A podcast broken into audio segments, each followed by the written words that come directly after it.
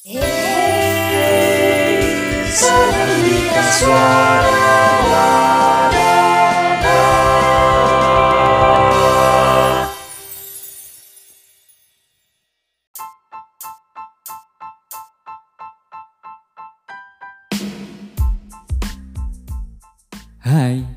selamat datang di Senandika Suara Wadana.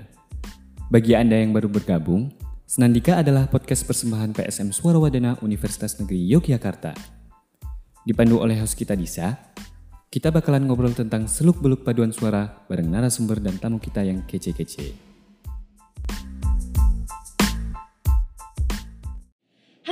Lagi di Senandika Suara Wadana Universitas Negeri Yogyakarta Podcast dan di sini udah barengan lagi sama Disa. Di episode kali ini Disa punya satu bintang tamu yang sangat spesial banget. Ini mega bintangnya PSM Suara Wadana. Katanya tuh dia tuh habis rilis single dan single barunya ini tuh udah didengerin jutaan orang di YouTube udah ada di Spotify ada nggak ya? Nanti kita tanya-tanya lagi ya. Jadi sekarang Disa udah punya bintang tamu spesial dari PSM Suara Wadana, salah satu anggota PSM Suara Wadana juga. Kita punya Anissa Rahina. Say hello dulu dong. Halo guys. Aduh suaranya merdu sekali, tapi masih merdu suara saya. Oke, ini Mbak Anissa Rahina dari mana?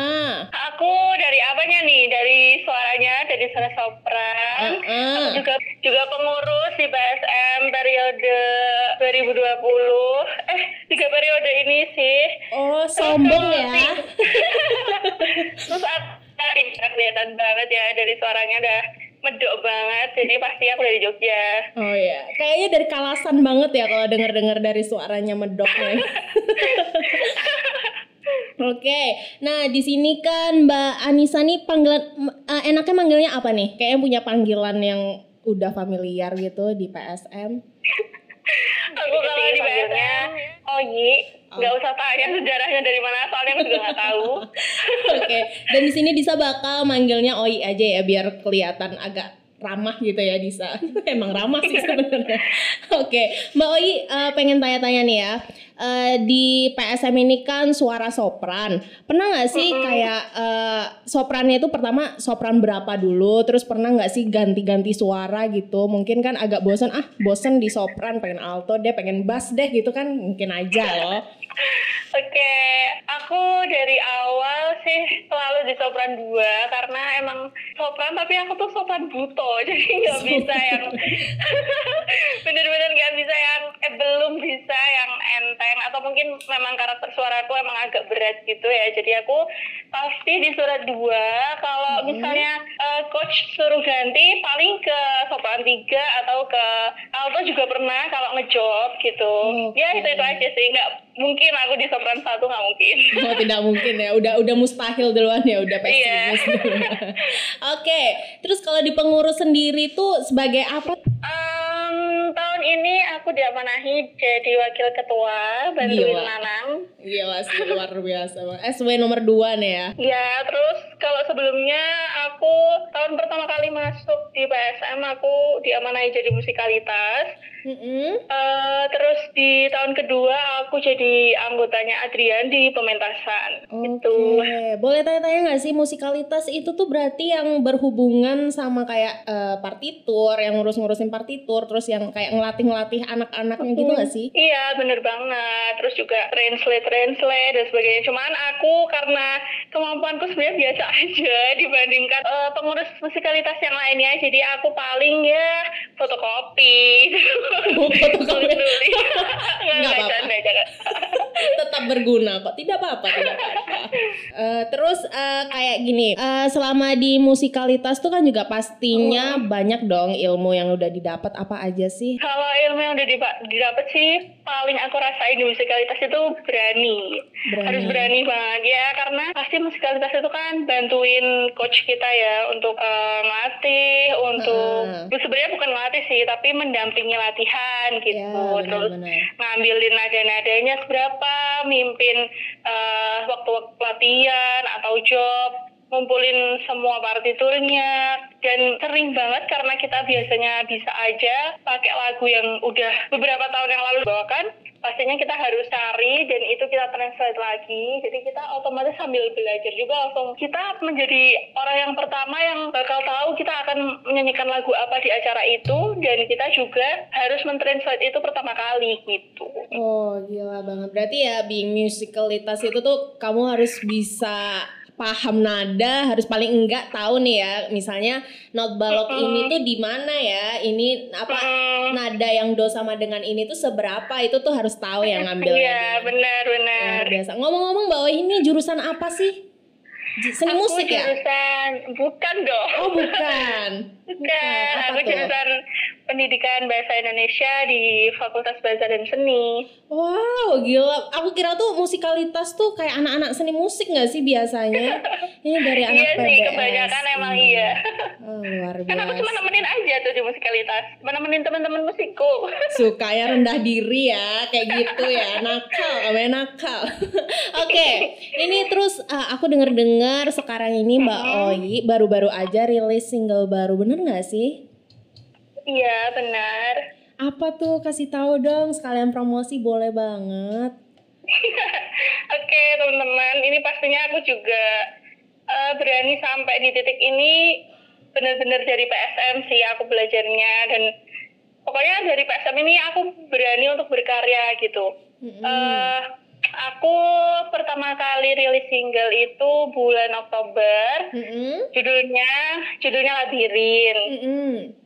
Sebenarnya Hmm. lagu itu udah aku tulis sejak eh, 2019, tapi karena baru berani mem- memberanikan diri untuk mengolah kompetensi diri aku, jadi baru Hmm. bisa rilis tahun ini. Tahun ini ya, oke. Ya, terus yang kedua itu hmm. judulnya Trotoar. Trotoar. Oh, Kalau trotoar ini sebenarnya aku tulis tahun 2017. Jadi pertama kali aku masuk kampus, masuk Mhm. UNY, pertama kali juga aku masuk PSM gitu. Cuman dulu ya, Hmm. cuman berani dibawain di pentas-pentasnya FBS aja, belum berani ke Oh, luar-luar. gitu. Iya, bener. Mm-mm. Tapi berarti udah lama banget juga ya, udah emang kayak apa? Bakat dari lahir kayaknya ya, emang. emang emang sering nulis-nulis lagu tapi ya. Em, lumayan, tapi sebenarnya tergantung aja sih. Karena kalau mau ada pementasan aja, biasanya aku diamanahi buat jadi eh, apa ya, yang bikin-bikin musiknya gitu ya. Jadi sekalian aku bikin lagunya untuk menceritakan kisah-kisah yang dibawakan. Biasanya kan aku tuh disuruh gitu karena ngisi teater ya, karena di bahasa Oh. tuh kan, mm-mm, jadi di jurusan bahasa itu setiap tahunnya ada persembahan parade teater gitu bahasa apa pun nggak cuma bahasa Indonesia jadi Hmm. jurusan bahasa Prancis pun juga ada Mm-mm. Pokoknya hampir semua jadi aku biasanya ngisi di sana tapi aku nggak vokal sih Mm-mm. aku ngisi di sana itu pegang biola Oke. tapi sem- tapi semua instrumen eh, tapi semua musiknya itu aku yang bikin gitu Gila, multi banget berarti ya tadi nyanyi bisa, main biola bisa, bikin lagu bisa, gila sih ya. Ini cetakannya PSM Suara Wadana UN, ya lagi-lagi. Boleh tahu nggak sih lagunya tuh tentang apa sih sebenarnya lagu trotoar? Lagu trotoar itu menceritakan tentang hal-hal yang kerap ditemui pada kehidupan pinggiran jalan. Jadi kayak mengangkat masalah sosial ekonomi yang kadang terlihat nggak wajar Mm-mm. karena tuntutan hidup kan. Mm-mm. Karena kan tuntutan hidup itu selalu menuhankan uang. Jadi biasanya nih kalau kita di trotoar lagi nungguin apakah di trotoar, Mm-mm. pasti kita tuh melihat hal-hal yang mungkin kita sebagai yang melihat itu me- menganggap itu kok gitu sih, kok aneh sih gitu ya. Mm-mm. Tapi padahal bagi yang menjalani itu tuh itu normal bagi mereka. Mereka melakukan itu ya biasa aja, normal, nggak merasa aneh Iya. karena itu tuntutan. Jadi dari trotoar kita belajar bahwa normal itu nggak selalu wajar gitu. Normal tak melulu kewajaran. Gila, luar biasa. Anak PBSI main biola, nyanyi bisa, nyiptain lagu bisa, dan kritis juga nih ya. Kadang kan soalnya orang kalau bikin lagu kan sekarang uh, ngambil topik-topik yang ringan ya, yang bisa diterima Mm-mm. semua orang. Tapi ini termasuk uh, Mbak Oyi ini termasuk yang agak abnormal ya. enggak, enggak, enggak bercanda. Ini normal tadi tuh bukan melulu kewajaran. Nah, ini termasuk Mbak Oyi ini tuh normal tapi dia tuh normal menciptakan lagu tentang trotoar ini tapi cuman jarang aja gitu ya. Bisa juga tuh bagus. Iya. Oke. Nah, sekarang aku penasaran juga nih ya. Kan uh, kalau paduan suara itu tuh kan nyanyinya bareng-bareng. Terus ketika sekarang memutuskan buat uh, aku mau bikin single ah kayak gitu. Apa sih perbedaannya yang yang sangat-sangat mencolok dari selain ini ya, selain dari nyanyi bareng-bareng terus jadi sendiri itu apalagi sih perbedaan yang didapat tuh apalagi gitu?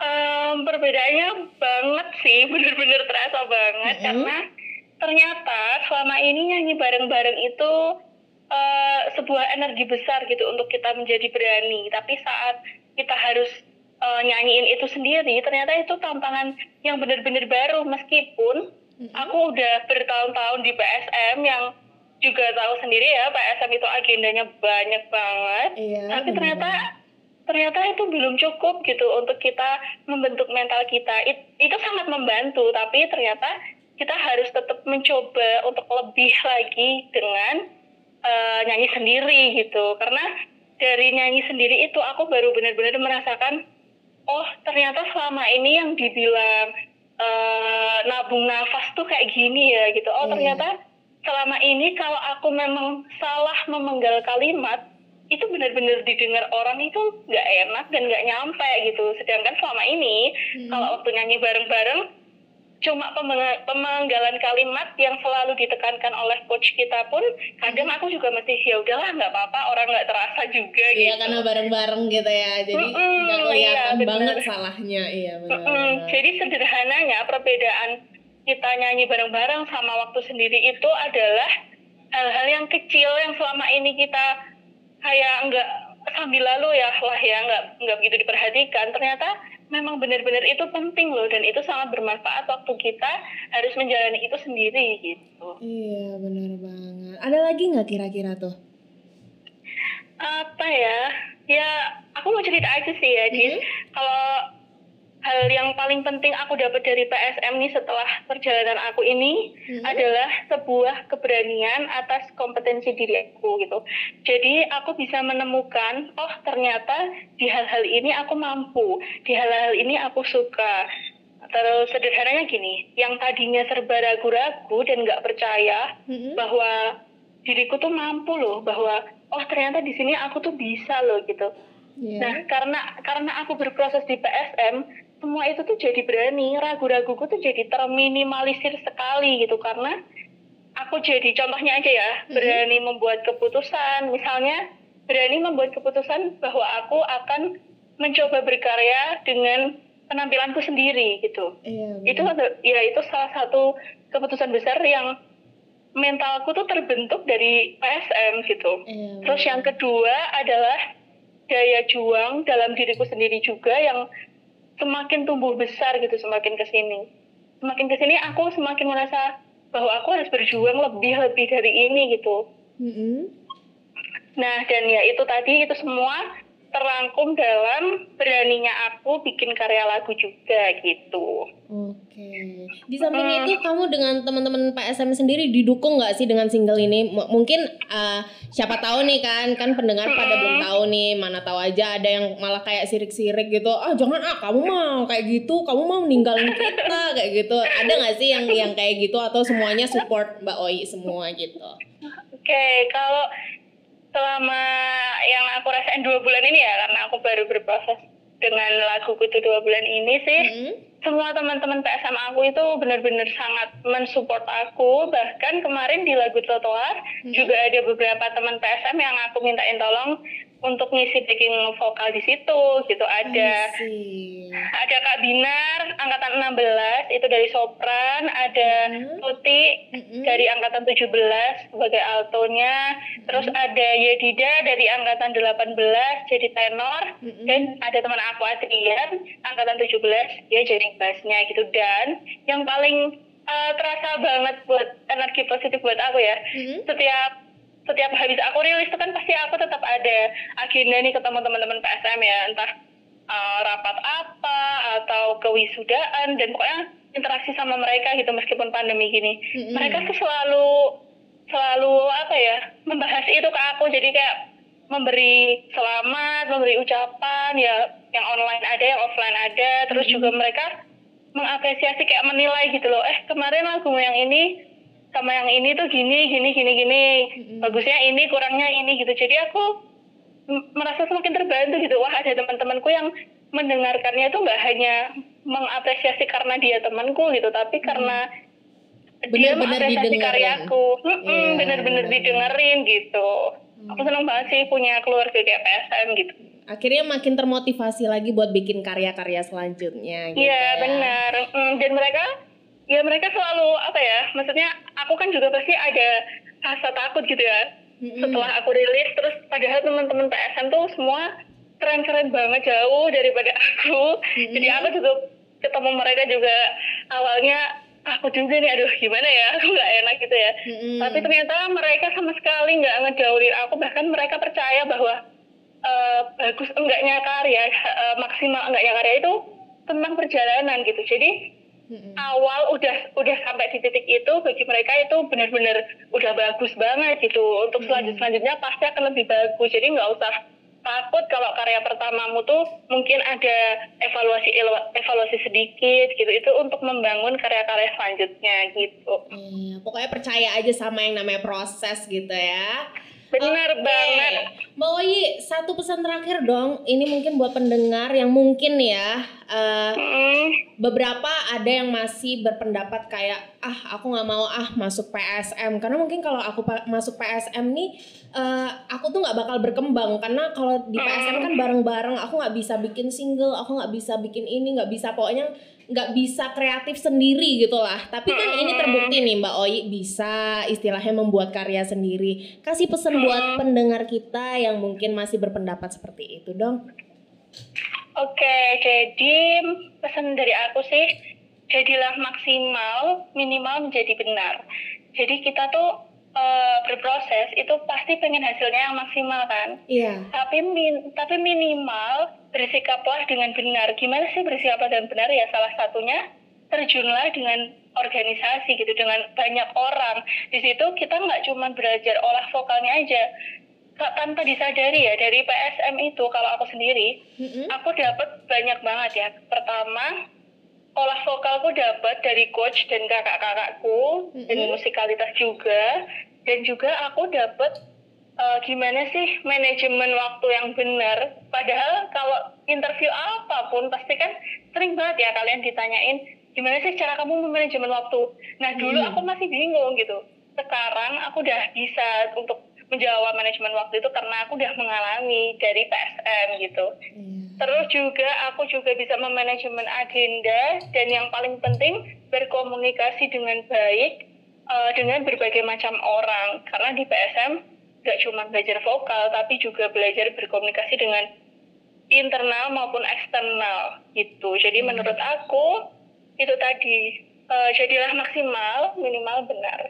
Oke, thank you banget ya Mbak Oi udah mau Oke. gabung sama kita, udah mau sharing sedikit sama Mm-mm. kita. Oke, jadi eh, besok minggu depan kita bakal punya episode yang gak kalah menarik lagi. So, thank you buat yang udah dengerin. Kita kembali lagi di Senandika Suara Wadana Podcast.